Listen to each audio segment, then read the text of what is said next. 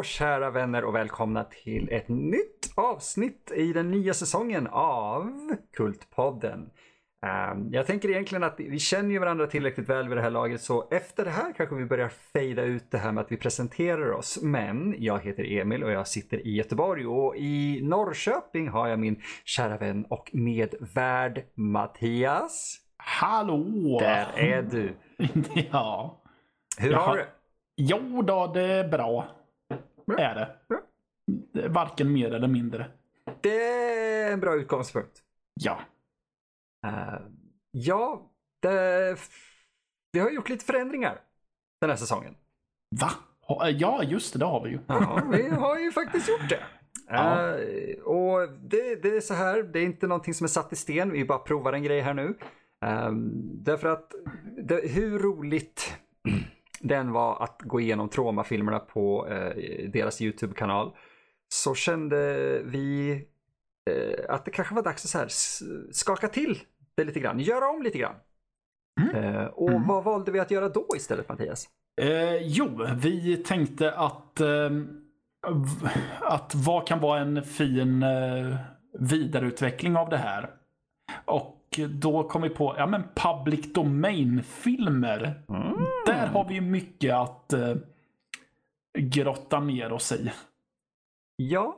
Ja, plus att vi kände att det blir lite på ett sätt blir det lite bredare för att med Troma så blir, ja, men då blir det ju nästintill alltid någon slags lågbudgetskräck av något slag.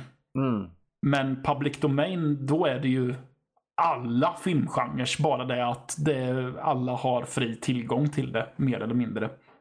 Ja, det, det viktiga med, med just eh, de här typerna av avsnitt är ju precis som med trauma-avsnitten att ni, eh, kära lyssnare, ska ha tillgång till de här filmerna utan eh, problem. Mm. Och det kommer vi alltså se till att ni har när vi väljer public domain-filmer. Yes. Um, och ja, vi vet att det finns några som kanske tycker det är lite tråkigt. Ehm, och är det så att ni tycker det är tråkigt får ni jättegärna höra av er till oss och säga att vi vill ha tillbaka trauma. Vi vill höra er prata om trauma och då lyssnar vi antagligen på det om det är tillräckligt många som frågar. Ja men precis och jag tänker att det här betyder ju inte att vi har lagt trauma bakom oss helt och hållet. För om vi fortsätter med det här så kan ju det betyda att ja men då kanske det blir en Troma-film som eh, ett inom situationstecken vanligt avsnitt. Ja, absolut. Vi har flera ja. sådana som vi har pratat om faktiskt. De är lite mer kända traumafilmerna som inte fanns på deras kanal. Ja, precis. Uh, men är det så att de till och med lägger upp mer filmer uh, än de, för att det börjar bli lite skralt där nu, så kanske vi nästa säsong eller vad det nu blir uh, återkommer dit. Ja. Ja, vem vet? Ja, vi, men vi får se helt enkelt. Ja, det här är då hur vi i alla fall har valt att utveckla den här säsongen.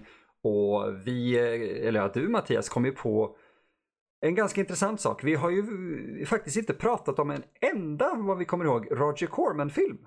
Nej, ja, alltså jag kan inte minnas att vi ens har sett den som han har producerat. Och det är ju ganska fascinerande. Det är väldigt fascinerande. Det är imponerande på 18-19 avsnitt. Ja, men Emil, för ja. de som kanske inte vet, vem är Roger Corman? Oj, oj, oj. Sätt er eh, tillbaka här nu obekvämt, kära barn, för eh, vi, vi, ska summera det ganska kort.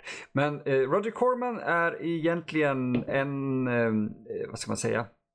Filmmagnat.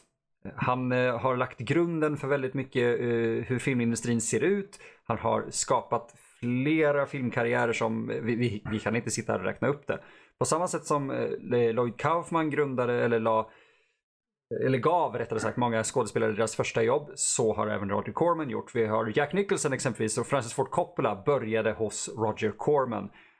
Um, det är eh, en otrolig bank av kunskap och, och, film som finns där. Han är mest känd egentligen för, eh, eh vad ska man kalla det? det? Eh, hans taktik gick ut på att han hade en plansch. Det här är i alla fall det som sägs. Jag, jag kan inte bekräfta det här, men det här har vi hört ganska många gånger ändå. Att han, eh, han hade en plansch. Den var snygg och den hade en titel. Och så eh, sa han åt, åt folk att okej, okay, nu går ni ut och sätter upp de här planscherna och marknadsför den här filmen. Sen Sen gör ni filmen. Vilket är eh, ett väldigt bakvänt sätt kan man ju tycka att göra film på. Men, ja. Eh, ja, han lyckades ju många gånger. I alla fall att göra filmen om det blir bra. Ja, det återstår ju att se. Ja, han var ju också känd för att vara extremt produktiv i sitt produktionshus om man säger så. Oj ja. För de gjorde ju flera filmer i månaden, som jag uppfattat det som. Ja, oh ja. Alltså, mm. eh, han har ju själv beskrivit det som att eh, under hans mest hektiska tid så eh, under en period där så gick han upp på morgonen. Då gick han och typ filmade eh, en, en, ny film, alltså han regisserade då. Sen mm. på, eh, vid lunch där, ja men då gick han och klippte en annan film han höll på med. På eftermiddagen, ja då, då gick han iväg och skrev eller ja, läste igenom manus och sådär. Och eh, på kvällen där sen, innan han gick hem, så satt han och höll på med marknadsföring. Uh, han, han, uh, det här var alltså helt olika filmer under samma period han höll på med. Uh, det är en av de mest så profilära, antar jag att det är ett ord. Ja. filmskapare i, överhuvudtaget. Han lever än och han är väl fortfarande till viss del aktiv. Han är 93 år gammal. Ja, han har väl gått tillbaka till att inte regissera så mycket. Ja, han har väl inte regisserat egentligen sedan 1991 då han gjorde en Frankenstein-film tror jag. Var det den med Robert De Niro han gjorde då eller? Nej, han gjorde mm. uh, den, för det var Kenneth Branagh tror jag. Ja. Utan han gjorde ju den som, du vet, ah, de gör en Frankenstein-film så då gör vi en Asylum och gör en knock-off lite grann. Jaha, okej. Okay. Uh, ja. Eftersom Frankenstein är ett uh, public domain-namn så kan ju alla göra en Frankenstein. Just det. Ja, han eh, grundade även New World Pictures som vi ser idag. Mm. Vilket är, alltså, han har grundat väldigt mycket, han har gjort väldigt mycket saker som vi, vi märker av idag utan att tänka på det egentligen. Det är en levande legend på riktigt. Ja. Uh, så, vad, vad ska vi titta på för film idag? Jo, Eh, I en annan podd som vi har nu, så eh, vårt premiäravsnitt på den, eh, Matiné heter podden, så pratade vi om eh, Creature from the Black Lagoon, en klassiker från Universals sista så här, monsterår, om man ska säga. Um, och jag och Mattias, vi satt då, det, det, ja, vi, vi satt helt enkelt och gick igenom vad, vad har vi för public domain-filmer vi kan prata om. Och tro det eller ej, men vi snubblar ju över en annan Creature-film. Nu är det inte Mattias som är med i det avsnittet av Matiné, men eh, trots det så snubblar vi över Creature from the Haunted Sea. Ja, precis. Och eh, anledningen till att vi fastnade lite extra för den är för att eh, vi kommer till det mycket mer sen, men det är just eh, monsterdesignen konstaterade Emil och jag att ja, men den där designen har vi sett förut, men in, ingen av oss visste från vilken film det var. Och plötsligt var, var det, ja, ah, det är den där jävla filmen. Då tar vi den. Uh, för att det är sånt där ansikte, om man, om man har eh, sett mycket bilder från monsterfilmer eller eh, kultfilmer så har man förmodligen snubblat över den. Eh, det är en ganska ikonisk design när ja. man tänker efter. Ja. Men och, vi kommer ju som sagt till det sen förmodligen. Ja, det Helt lyckat. Ingen av ja. planscherna som jag har sett i alla fall, eller vad jag har sett, har visat monstret och tur är väl det. Nej, det, det närmsta man har sett av monstret är ju en dens jättenäve, den om man säger så. Gigantisk och den lyfter upp en kvinna. Ja, det gör den. Den påminner lite om den där fruktansvärt fula jävla planschen för den där filmen som vi egentligen ska ja. prata om. Eh, vad heter den? Mm. Crooked. Som vi pratade om förra säsongen. Croaked. Croaked. Ja. Jävla skitfilm. uh... Ja, nej men och den här kom också med en uppmaning till publiken. Oh, vadå? Please do not give away the answer to the secret. Där!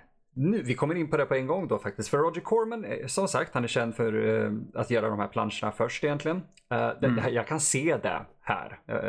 Och, och sen genialt lämna så här, eller rättare sagt eh, locka in publiken med ett löfte om att ja, ni, ni som vet om hemligheten och twisten, ni får inte avslöja den. Mm. Eh, så folk blev ju säkert liksom, jag vet att jag hade blivit så här, vad, men vad är hemligheten då? Fuck it, jag får gå och se den här. Ja. Ehm, ja, och ärligt talat, eh, precis som många av hans filmer, ehm, ta- ja, alltså taglinen är ju inte eh, helt i correlation med resten av filmen. Eh, För att hemligheten, jag har ingen jävla aning om vad de pratar om. Jag skulle just säga det att en liten spoiler för, för vad vi innan vi ens kommer att prata om filmen så det, det, jag vet inte vad det är för hemlighet de svamlar om där. Nej, alltså så här, låt, låt oss säga spoilers på en gång om någon är orolig för det. För det här, vi, vi måste prata om det här så öppet och fritt vi kan. Eh, för eh, Corman var ju också känd, som vi sa förut, att han, han eh, gjorde ofta filmer samtidigt, eller flera filmer på samma gång. Ja. Eh, och han filmade den här i rygg i rygg med, vad heter den, Last Woman on Earth? Jajamän. I princip samma eh, crew och skådisar vad jag förstår. Ja, det verkar vara väldigt, eh, i stort sett en, en identisk ensemble. Möjligen om det är ehm, Möjligen om det är några undantag. Vilket är svårt att säga för det är bara, ja, på IMDB hittar jag bara tre karaktärer. Okej. Ja, det kanske är så få de hade. Ja, ja vem vet? Alltså vi, vi har ju inte sett den. Nej. eh, Men eh, det, det, det, det är egentligen, det här är en sån där typ av film. Alltså det är så med Cormans alla filmer egentligen. Det är alltid en mer intressant produktionshistoria och bakgrundshistoria eh, än vad filmen i sig är. Ja. Eh, Det här är ju verkligen filmer gjorda för att eh, ja, underhålla i viss mån, men definitivt för att vara en industri. Att alltså dra in pengar och kunna fortsätta göra film. Mm. Ehm, och det, vi kan ju säga att film fanns, filmades på fem dagar och det kan ju säga en del om kvaliteten. Filmades den på fem dagar? Ja, Åh jävlar. ja. Det är rätt rubbat faktiskt. Ja. Ehm, och då återigen det här med att det är i, egentligen ganska mycket, det, det är en del stock footage för att de filmar någonting annat samtidigt. Eh, det är verkligen så han jobbar. Åh, den här bilden kan vi använda i någonting mer. Ja, men vi är ändå på den här platsen. För jag tror exakt det är som händer här. Eh, vad jag förstår. Att de var på en ö i Puerto Rico. Och eh, de började filma eh, den här eh, The Last Woman on Earth och han skulle producera en annan film då också som heter Battle of Blood Island. Och han upptäckte då att hmm, vi kan ju faktiskt utnyttja ett skattehål. Eller vad ska säga, ett loophole i skattelagarna här. Så då kunde han göra ännu mer film. Mm. Det är lite som Uwe Boll kunde fortsätta göra sina filmer. Eh, och eftersom han hade en hel del oanvänt material kvar från Last Woman on Earth efter- att han hade gjort den så valde han då att göra den här Creature eh, from the Haunted Sea baserat på ett manus som redan hade filmatiserats två, tre gånger av honom själv eh, included. Så, alltså. ja. Hans eh, eh, uppfinningsrikedom är ju fantastisk får man väl säga. Definitivt. Eh, Och hans skam är ju inte heller att dra för hackor. Nej, nej, nej. Han är en producent helt enkelt. Är ganska, ja precis. Precis. Eh, Det, det finns väldigt mycket att, att, att prata om egentligen så sätt. Vi ska inte analysera sönder den. Det finns mycket där ute att läsa om den. Ja. Eh, Men om man ska förklara vad den handlar om. Ja, Så- det, Ja, det är... Det, Okej, när vi pratar om Corman-filmer så kommer det bli problem. För att eh, många av dem är inte de lättaste att egentligen förklara en handling. nej, vissa av dem, alltså det finns väl vissa som är relativt lätta att förklara. Sen så är det filmer som den här. Och det finns många filmer som den här. ja, jo, det, är, det stämmer ju. För att det, det, det är lite så att Corman ser någonting och tänker åh det där är intressant att ha med en film. Han är, det är det, han är extremt eh, vältalig. Det, jag garanterar att det är tack vare det som han har kunnat fortsätta göra den här typen av film under alla år och, och helt enkelt lyckas sälja dem. För när man lyssnar på Corman när han pratar, he, he's talking very much like this. And he's making a motion picture in 1963 about a horrible terror from the sea. Och man bara, oh fuck, det där låter ju rätt intressant. Och sen ser man skiten och bara, wow, den Ja. där snubben kunde sälja. Yes, men om du då ska försöka att bena ut, eller om vi rättare sagt, jag ska inte slänga dig under bussen så att du förklarar dig själv här riktigt så. Um, Okej, så här. Ja. Ehm, den har två, tre olika handlingar. Eh, men eh, det är en spion Mm. som eh, hamnar på en båt tillsammans med eh, några smugglare som ska smuggla typ pengar mellan Kuba och USA, I guess. Eh, ja, högst oklart Högst. vart de vill ta vägen någonstans. Och för mig var det också oklart vad det var de skulle smuggla för skit. Ja, alltså de, de ska smuggla eh, eh, en typ eh, en general, eller man ska säga en, en eh, korpral. Eh, Ja. Och några soldater som har blivit, du vet, de är väl desertörer och så har de snott pengar ur skattefickan om man ska säga. Ja. Så de, ja, de ska väl helt enkelt smuggla människorna och ta dem Mm. över till jag vet inte fan var. Ja. Eh, och det, på, på den här båten så finns det en, en kapten, eh, the, the skipper helt Ja. enkelt. Som eh, han, han har kommit på att ah, om jag eh, hjälper de här ja, desertörerna och, tar över dem vart de nu ska så kan jag ju faktiskt ta och sno deras pengar. Men jag måste ju faktiskt göra mig av med dem då också. Eh, han utnyttjar sig då av en eh, gammal legend vad vi förstår. Mm. Och eh, om ett monster i botten av havet vid, vid den här ön antar jag. Och, eller om det där jävla monstret bara simmar efter dem, men det är aldrig riktigt klart. För att Nej, för när han börjar sätta sin plan i lås så, upp, så är de ju på ganska öppet vatten. Ja, exakt! och, eh, Ja. jag- Men... för att men de sänker sin båt? Ja. Av Precis. någon jävla anledning? Ja. Eh, Eh, ja. Vad, vad det dock visar sig sen. eh, vad som dock visar sig är att vad den här kaptenen inte vet är att det faktiskt finns ett riktigt havsmonster som börjar döda folk åt honom.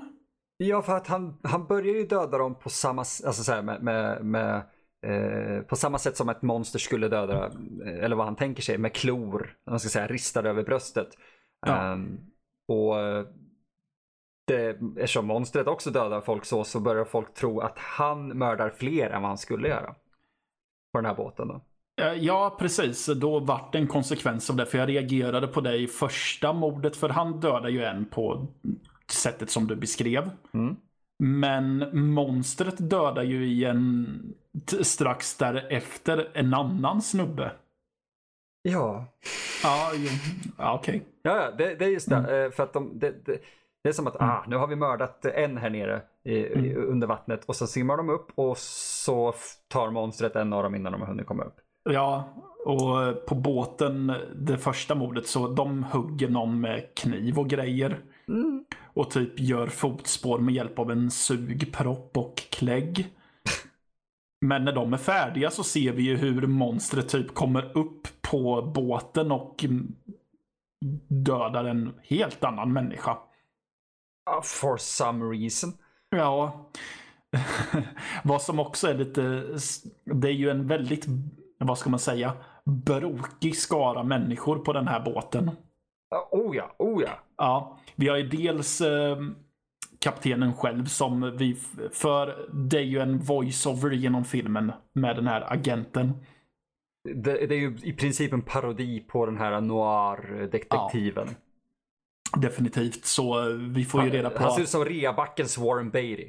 Det är han också. Så vi får ju bland annat reda på att den här skippern är ju, ja men han är en extremt erfaren brottsling. Jag kommer inte riktigt ihåg vad han säger. Det, det enda jag vet är att när han säger att han är väldigt bra på vapen, för under tiden han beskrivs av voiceovern så håller han på och skruvar ihop en pistol. Och precis när han creddas för, sitt, för sin vapenhantering så mm, flyger en del iväg med, med hjälp av en fjäder. Det var väldigt kul. Ja, Det, det, Ja. Filmen har ju ett par riktigt roliga. ja Eh, skämt precis. så. Och så är det, en, det är hans kärleksintresse som inte heller går av för hacker. Mary Bell. Mary Bell, ja. Hon är faktiskt ganska asball. Ja, det tycker jag. Och eh, Jag tror att han pratade om att det finns ett rykte om att han har gått in i Hollywood Bowl och skjutit med en Tommy Gun. Okej.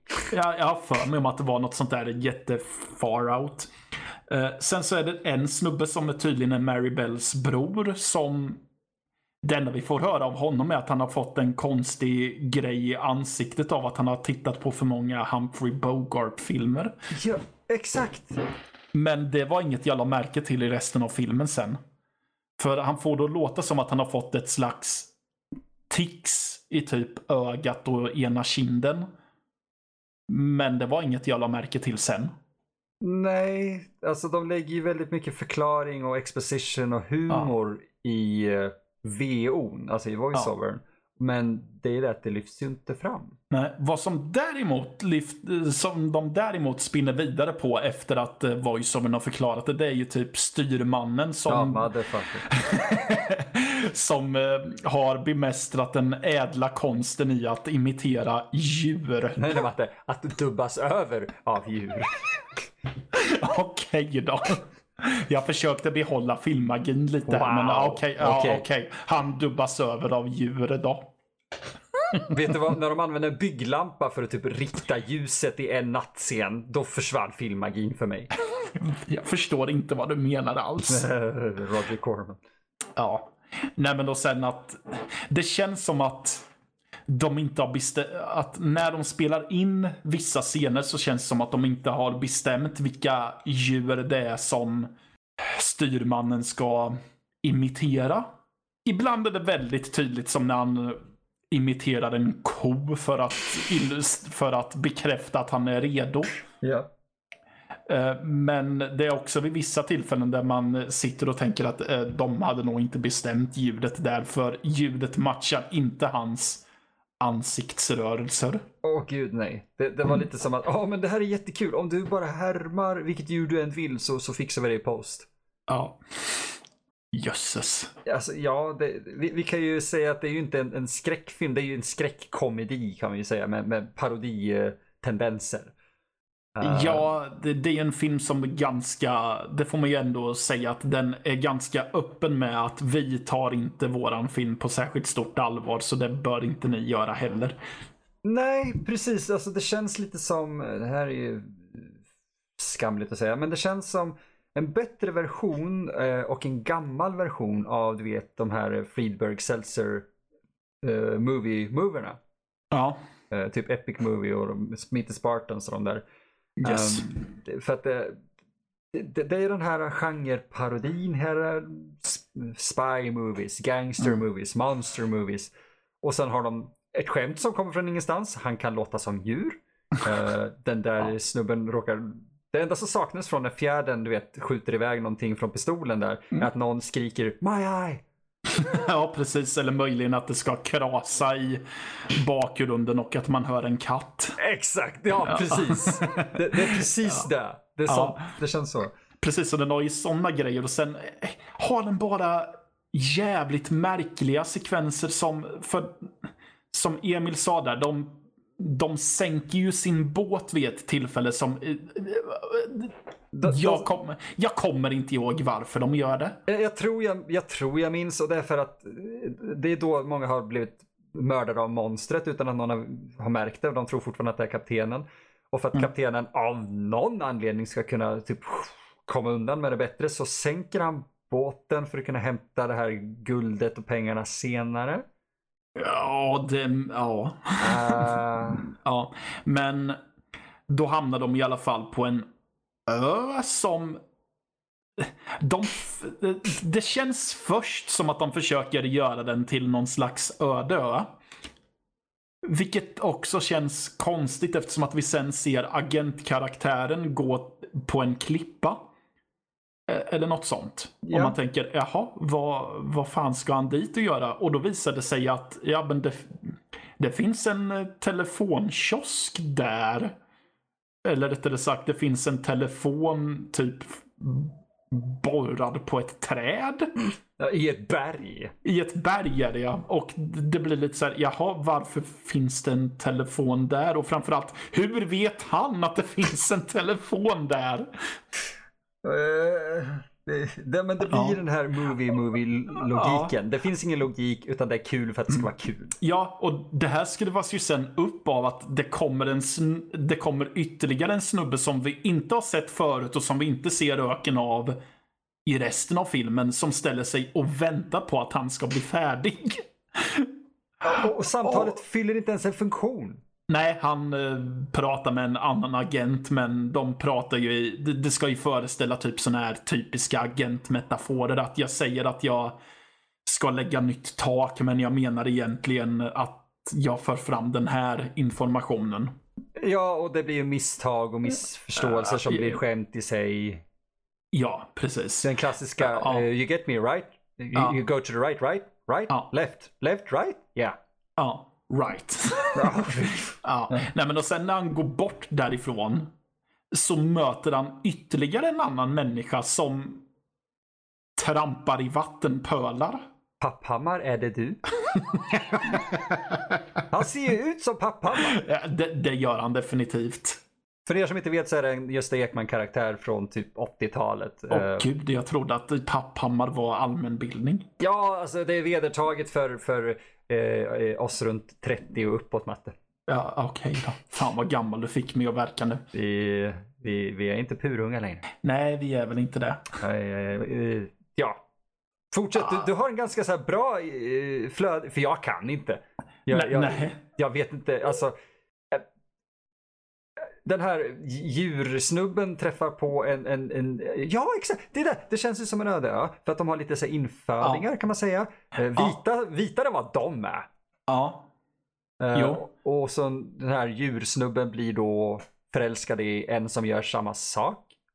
Ja, av någon anledning. För han, han är ju lite dum i huvudet den här styrmannen. Så han går ju bara runt och gör en massa djurläten för sig själv. Och så helt plötsligt så är det en kvinna som får för sig om att besvara hans läten. Som ett jävla parningsrop. Ja, och då är det ju självklart att de faller pladask för varandra. Såklart. Ah, ja. Ja, nej men och sen. eh, Det kommer ju också någon annan kvinna vid ett tillfälle som. Ja du. Hon ska. Hon blir förälskad i agenten. Mm. Men hon är. Men det är väl först Mary Bells bror som blir förälskad i henne. Tror jag för den. Ja. Men äh, agenten vill ju inte eftersom att han är förälskad i Mary Bell. Och han har ju vid, tidigare i filmen försökt att typ övertyga henne om att hon, hon bara är i dåligt sällskap och det här är inget liv för dig utan följ med mig så blir det bättre. Han är på som värsta stalkern kan vi säga. Det ja, ja, varit och- skamligt alltså. Ja, ja, och hon Äckligt. Och hon är extremt tydlig med att nej, alltså jag, vill hellre se dig långsamt grillas på ett spett över en öppen eld. Nej, just det, det säger hon ju till generalen, ja. Det var inget.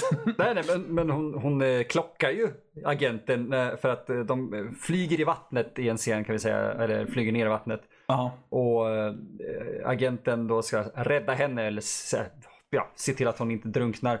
Det, det som händer då är att när han kommer i närheten av henne så hör vi bara, eh, vi ser att han slår, eller att hon slår honom i ansiktet och sen hör man typ Åh!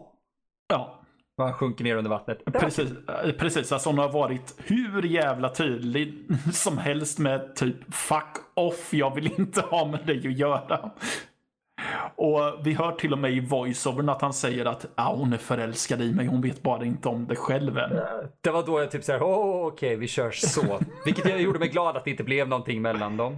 För att han, ja. han, han agerar väl typ, det är väl han som är voiceovern under filmen. Som, för, för, som typ förklarar handlingen alltså för publiken. Men samtidigt som hans egen karaktär inte förstår handlingen utan han blir typ förälskad i henne istället. Ja, Ja, det är så jävla... Ja. Det, är typ, det är meta på ett sätt jag aldrig har sett innan. Nej, precis. Och ehm, det gör det ju... Vilket också gör det lite jobbigt på ett sätt. när han har ett kärleksintresse så nej, jag älskar Mary Bell och så blir det så men för helvete, släpp henne! Fast det är ju så roligt Matte! Ja, visst är det. Uh, men uh, Mary Bells brorsa får ju ett annat kärleksintresse i form av styrmannens älsklings dotter som heter Mango. Ja, vad fan var det? Ja, det vet jag inte. Det enda jag konstaterade är att styrmannen kan ju bara prata engelska och hon kan bara prata spanska. Ja, ah, så, just det. så det blir lite så här. Och hon... Jag för mig om att för vissa, viss spansk dialog får vi översatta för oss. Och det ska ju vara lite humor i att hon säger typ att äh, mamma använder min charm för att typ råna dumhuvuden som dig och han säger något i stil med att ja, jag, jag, jag älskar dig också eller något sånt. Jag håller mm. med i allt du säger. Det är ganska kul, alltså det är en väldigt typisk scen som inte är särskilt uh... Uh, mm. avancerad eller svår på det sättet. Uh, det är inte jättemycket humor som går in i den. Men det funkar. Det är så småkul. Ja, vad som däremot är kul på, för att det är så jävla dumt, det är ju när eh, styrmannen och brorsan tillsammans med sina kärleksintressen möter varandra och får reda på att ja, det där är eh, hennes dotter. Ja, men då kan, inte, då kan ju inte ni vara tillsammans. Nej, varför inte det? Därför att då blir ju jag din far. Uh, det är så jävla convoluted. Ja.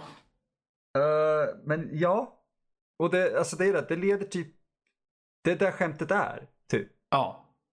Nej men alltså det, det, den här filmen har så mycket som, alltså det leder typ ingenstans. Nej, för... Någonting. Vi, nej, för när vi pratar om det egentligen, om, om man pratar om det och reder ut det, storyn är jävligt rätt fram. Det är ju en agent infiltrerar en båt för att förmodligen ta reda på vad är det som sker på den här båten för vi har hört suspekta saker kan man ju säga. Mm. Uh, vart tar de här uh, desertörerna vägen? Han får reda på att uh, de blir mördade av kaptenen som snor deras uh, pengar de har med sig. Och det är väl egentligen, det är handlingen. Och det ja. visar sig då finnas ett monster då som mördar folk på samma sätt. Ja. Men, men, men ingenting som mm. leder upp till hur någon får reda mm. på att någonting sker eller så finns och allting tas över av den här humorn och, och, och all väldigt, väldigt, väldigt lustiga dialogen som gör det väldigt rörigt att överhuvudtaget mm. försöka hänga med i vad som händer. Ja, precis. Man glömmer bort att det ska föreställa någon slags... Man glömmer ju till och med bort ibland att det ska vara en knock-off på monstret i, eh, från den svarta lagunen eftersom att man får filmer, eller man får scener där huvudkaraktären berättar att han har konstruerat en radio av typ fiskelina, korv och inlagda gurkor. Det var rätt kul faktiskt. Men ja. va?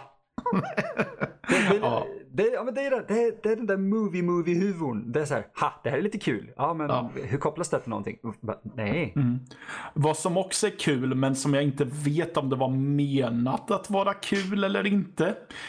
Vi hintade om det förut. Det är ju hur monstret ser ut. Innan vi kommer dit. Jag måste bara säga ett par andra saker. För vi kommer inte kunna prata om någonting annat när det jävla monstret har introducerats i den här jävla podden. Nej. Uh, det är jag skrev upp lite saker nämligen som jag tycker är väldigt roliga som inte har med monstret att göra. Det ena är ju när båten sjunker. Eh, så finns ja. det, det finns ett par roliga repliker i filmen och en av dem är ju när, när den sjunker så alla får lite panik och så kaptenen, eller ja, skippern bara Don't worry, it's insured.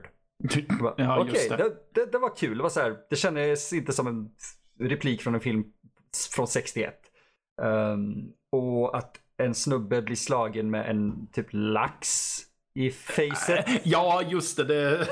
Som flyger över en båt, eller båten och de drar vapen och börjar skjuta typ eh, folk som ska inspektera båten. Samtidigt som Mary Bell sjunger för glatta livet för att typ dölja vad som pågår. Ja, det, och hon...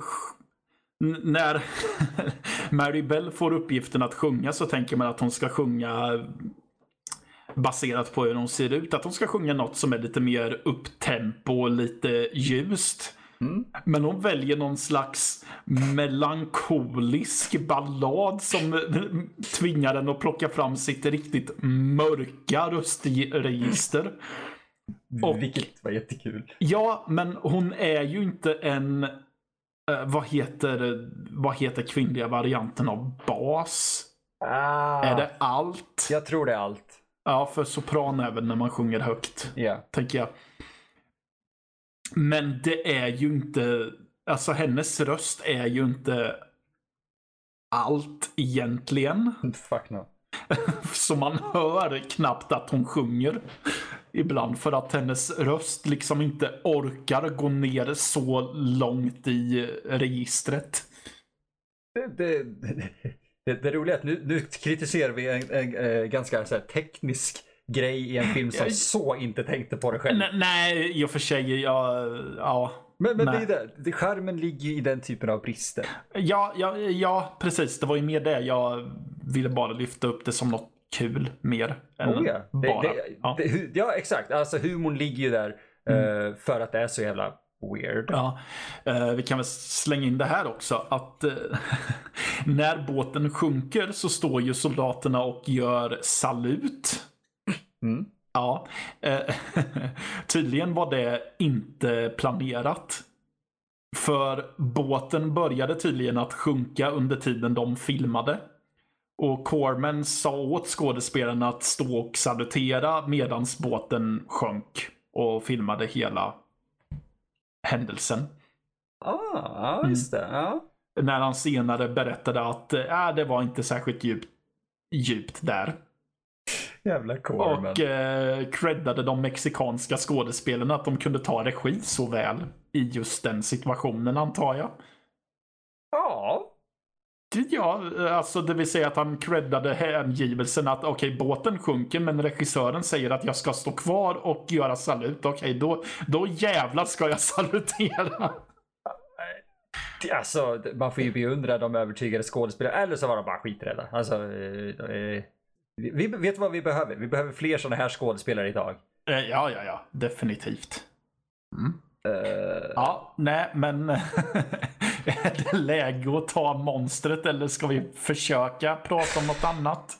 Alltså det, fi det finns en del till att prata om, men grejen är den att vi måste komma till det här monstret för det... Ja. Vi gör det. Ja. ja jag... Okej. Okay. Matte, av ikoniska monster, vad tänker du på då? Jag tänker typ på uh, Creature from the Black Lagoon. Mm. Tänker man ju på ganska snabbt. Uh, Dracula. Oh, exakt, exakt. Frankenstein. Ja, definitivt. Eller varför inte The Wolfman?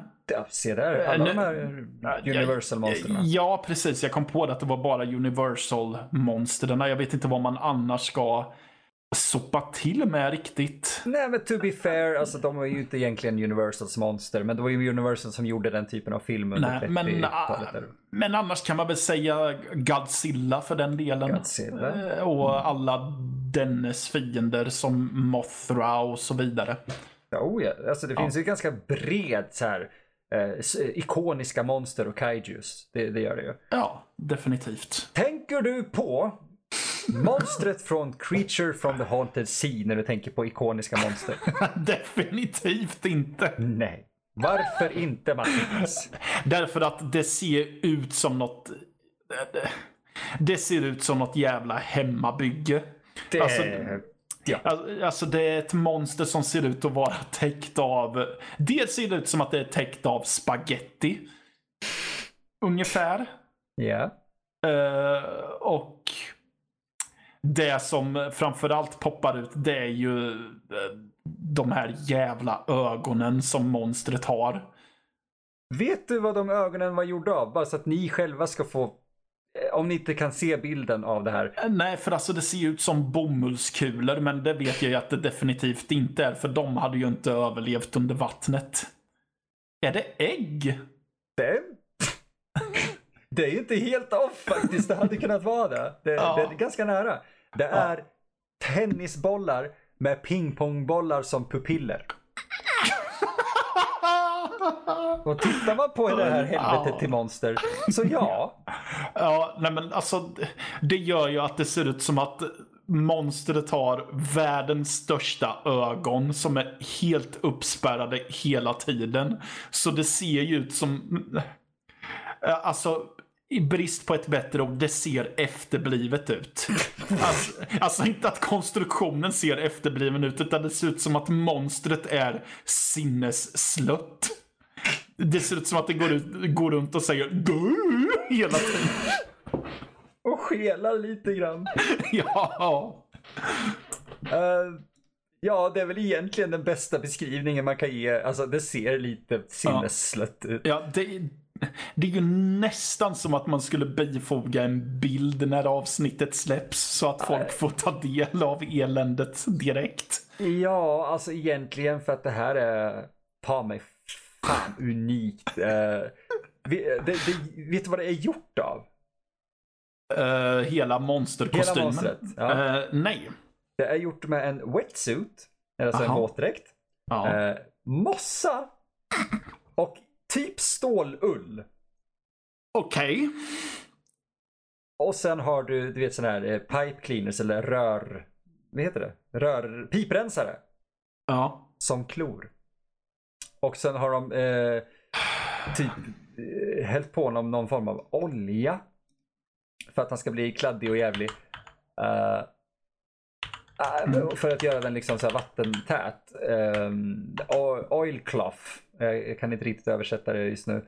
Men det är helt enkelt för att skydda tyger och textiler från att uh, bli blöta. Ja. Ta, jag tar mig fan, nu ser jag piprensare.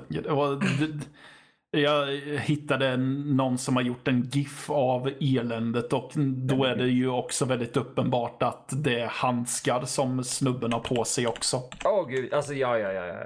Uh, och, och, vi kan ju också säga att det är jävligt uppenbart att det finns en man där under, eller kvinna, uh, med uh, en, en, definitivt en syrgastub. För det där monstret läcker så jävla mycket syre. Ja. Så fort den rör sig så är det liksom bubblor. Ja, ja, alltså det är ju mycket mer bubblor än vad dykarna ger ifrån sig. Ja, oh, gud, ja. Ja, och eh, jag vill bara poängtera att, att, att det syns att det är en människa i en dräkt behöver inte vara dåligt. Nej. Jag brukar snarare säga att det är en kvalitet. Ja, tittar vi på Creature from the Black Lagoon. Där, mm. Jag kommer inte ihåg vad skådespelarna hette, det var två stycken. Men eh, när han som körde undervattensscenerna, han höll andan i fyra minuter och det ser fantastiskt ut. Ja. Sen har vi det här. Sätt en, en, en syrgastub på den där jäveln. Klä på honom lite bomull och mossa. Sen skickar vi ner honom, sen filmar vi. Ta med tennisbollar också. Ja, undrar om det är Corman själv som har designat eländet. Designat. Det, var som, det, det, känns mer som att han gör hela tiden här. Ja, vi behöver ett monster i eftermiddag. Va? Ja, eh, skulle du kunna ordna det? jag jobbar för cateringen men visst. Och sen så är det någon jävel som går iväg, köper lite sopsäckar, köper lite bomull, lite tennisbollar, sen kör vi. Ja, precis. Och jag vill också tro att han sa att alltså det här är ju inte färdiga versionen jag har tänkt, men bara så att du ska få ett exempel på hur jag har tänkt. Och så vill jag vill jag att Corman ska säga. Vad, vad då inte färdiga versionen? Det här är ju perfekt! Ja, du vet. Ja. Okay. What are you talking about? This is perfect! Ja. ja, men om man säger så här. Vilken design är bäst? Den här varelsen eller Roman? Ah, oh, fuck i Robot Monster. Ja, förra säsongens avslutningsavsnitt tror jag va? Ja, precis. Eh, tror jag i alla fall. Om det inte var Clown Camp. Eh, Clown Camp var ju uh, sista. Ah, okay. uh, men Ro uh, Robot Monster var innan. Sista ordinarie där. Ja, okay. precis. Ja, um, det, där, det, där, det där är svårt. Det där är svårt Mattias. Ja, för det är ju två stycken riktigt billiga designs Eh, ikoniska billiga designs. Ja, och eh, återigen, billiga designs behöver väl inte vara en dålig grej egentligen, men alltså en, då, en billig design som ser billig ut. Ja, alltså. Ursäkta ja. mig, men jag kan göra en bättre design för No Marathon där det går ut på en film på ja. 24 timmar från idé till färdig film. Jag kan få upp ett monster som ser bättre ut med samma budget. Ja. Som förmodligen var typ en... Jag vet inte. Jag, jag kommer inte ens på någonting kul att säga för det här ser så jävla billigt ut för det var nog det. Ja, nej men alltså jag, jag vill nog ändå säga att uh, Roman vinner för min del. Romans design är så enkel och simplistisk med en rymdhjälm, väldigt Ja. 50-tals rymdhjälm och en uh, gorilladräkt. Um, Ja. Jag får nog säga uh, Creature from the Haunted Sea bara för att det är så ludicrous. det det, det så, det, de har misslyckats så hårt med att göra den otäck att, att, att, att det blir kul på ett sätt som är helt... För, för Roman är väldigt kul. Ja. Roman är väldigt rolig att titta på. Det här, är, det här är en komedi i sig att se på. Ja, alltså man tjuter ju av skratt när, så fort den är on screen. Ja, när vi satt och diskuterade vilka filmer vi skulle prata om den här säsongen så, Ja. och vi kom till den här så satt vi ju båda och grät. ja. Ja, det, vad som var lite kul var att en av våra chefer vart ju nästan lite provocerad lät han i röstläget när vi fick honom att googla, googla på titeln. Det är sant, han blev faktiskt det. Ja, Eh, och det, det, det är kul för även uh, skådespelarna läser jag här, eh, ett par av dem sa att ja, men vi började göra en typ av, av komedi, en, en spoof och sådär. Mm. Och helt plötsligt så ändrades det allting och, och Roger visste inte riktigt vad han ville göra och då blev det seriöst. Och, och, och sen så plötsligt så blev det en sofistikerad eh, parodi och, och efter det så blev det ett inside-skämt. ja. Och sen blev det en färdig film som eh, skådespelerskan eh, Betsy Jones eh, Moreland inte trodde någon skulle se. Och här sitter vi 2019. Ja. Eh, nej men alltså det, det förklarar väl varför filmen känns så jävla rörig. Ja, gud ja. För jag kunde inte riktigt sätta fingret på vad det var, men då är det ju den där i så fall. Eh, Att ehm, filmen inte riktigt best- kan bestämma sig hur, vilken approach den vill ha. Det är nog det. Och det är exakt det hon beskriver. Att eh, tonen var väldigt rörig. Och det är exakt så filmen känns. Ja. Eh, för att den är en parodi på ett par genrer. Och när vi pratar om den nu innan vi kom till monstret så kändes det som att vi behöver inte ha monstret här för att humorn och allting finns där redan. Men plotpointen kommer helt plötsligt in med att åh, det är ett monster som mördar folk egentligen. Ja, men jag undrar ju också. Hade de bestämt att det skulle... äh, Fanns de här title cardsen i början av filmen innan Ja. i resten av innehållet? Alltså du, det, det, det, det, det, de kan lika gärna, precis som soundtracket till den här filmen, komma från en helt annan film. Ja. Eller fem.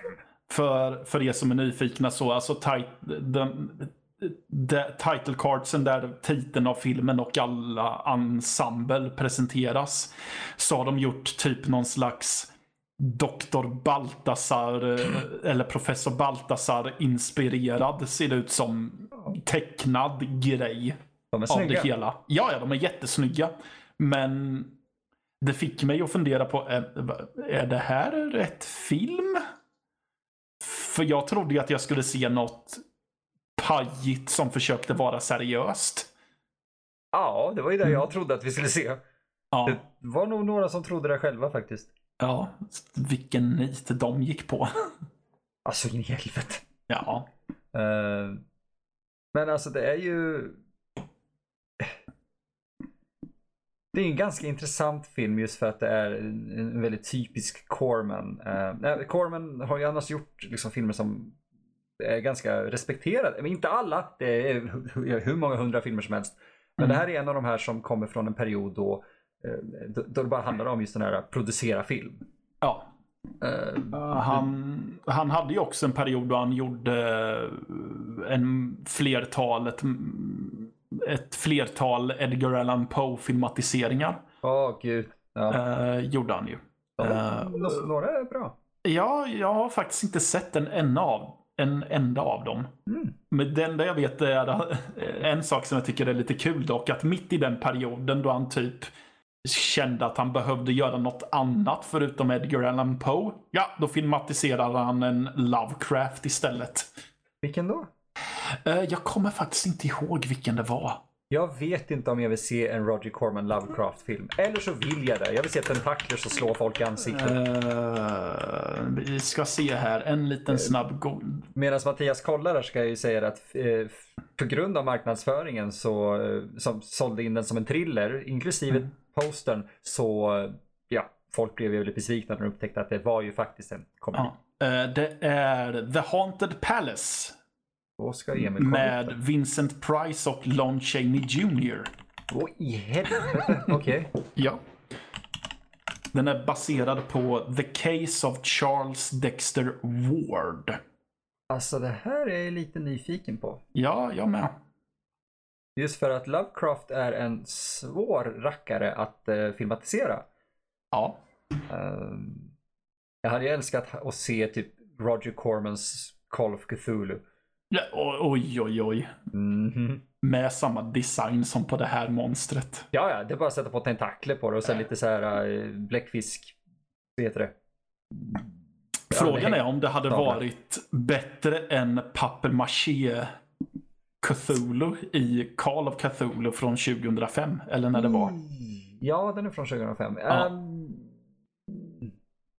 alltså vi hade ju papier-maché-scener av den här också. Om ja, ska vara såna. ja, förvisso.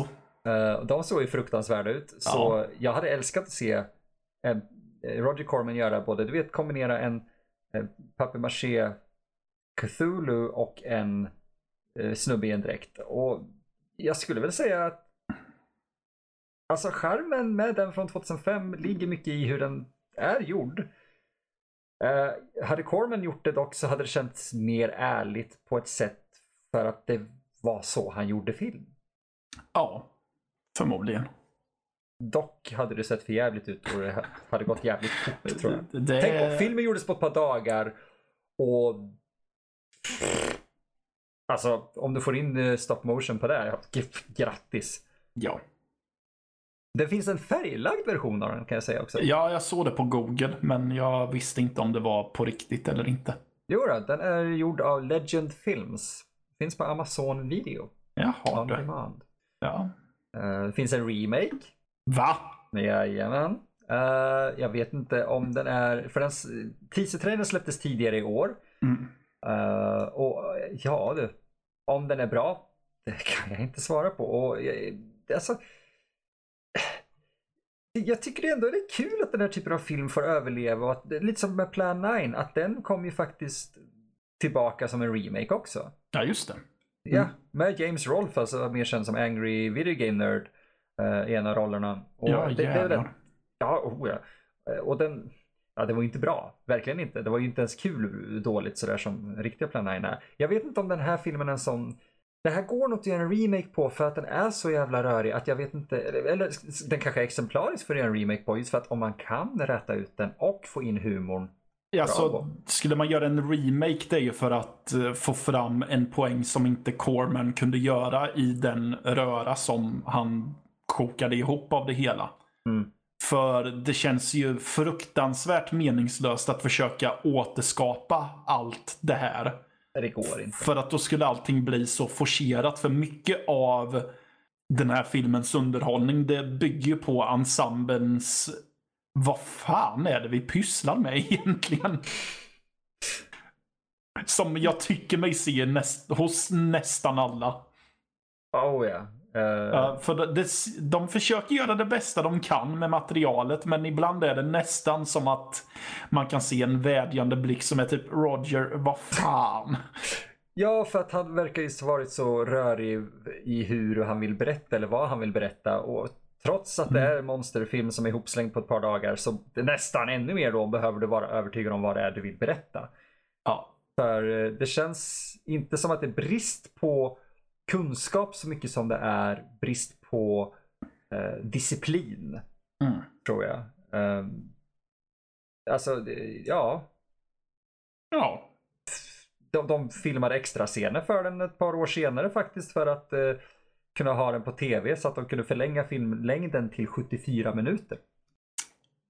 Eller 75 mm. står det här. Men ja, ja. ja. Okej. Okay.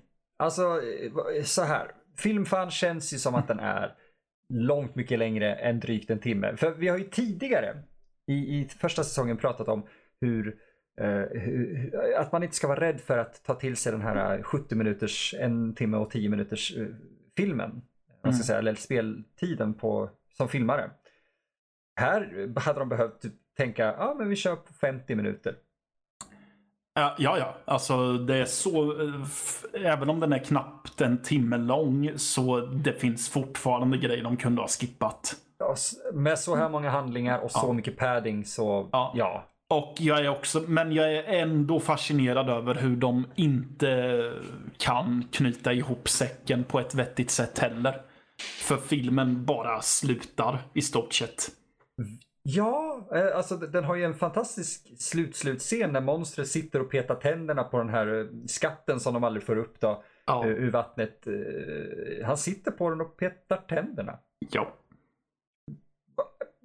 Han har, ja, okej, han har väl ätit upp kaptenen har jag för mig och lite folk, men va? Lite så. Mm. Det... Ja, känns som att det kanske är dags att dra det här ja. till en avrundning.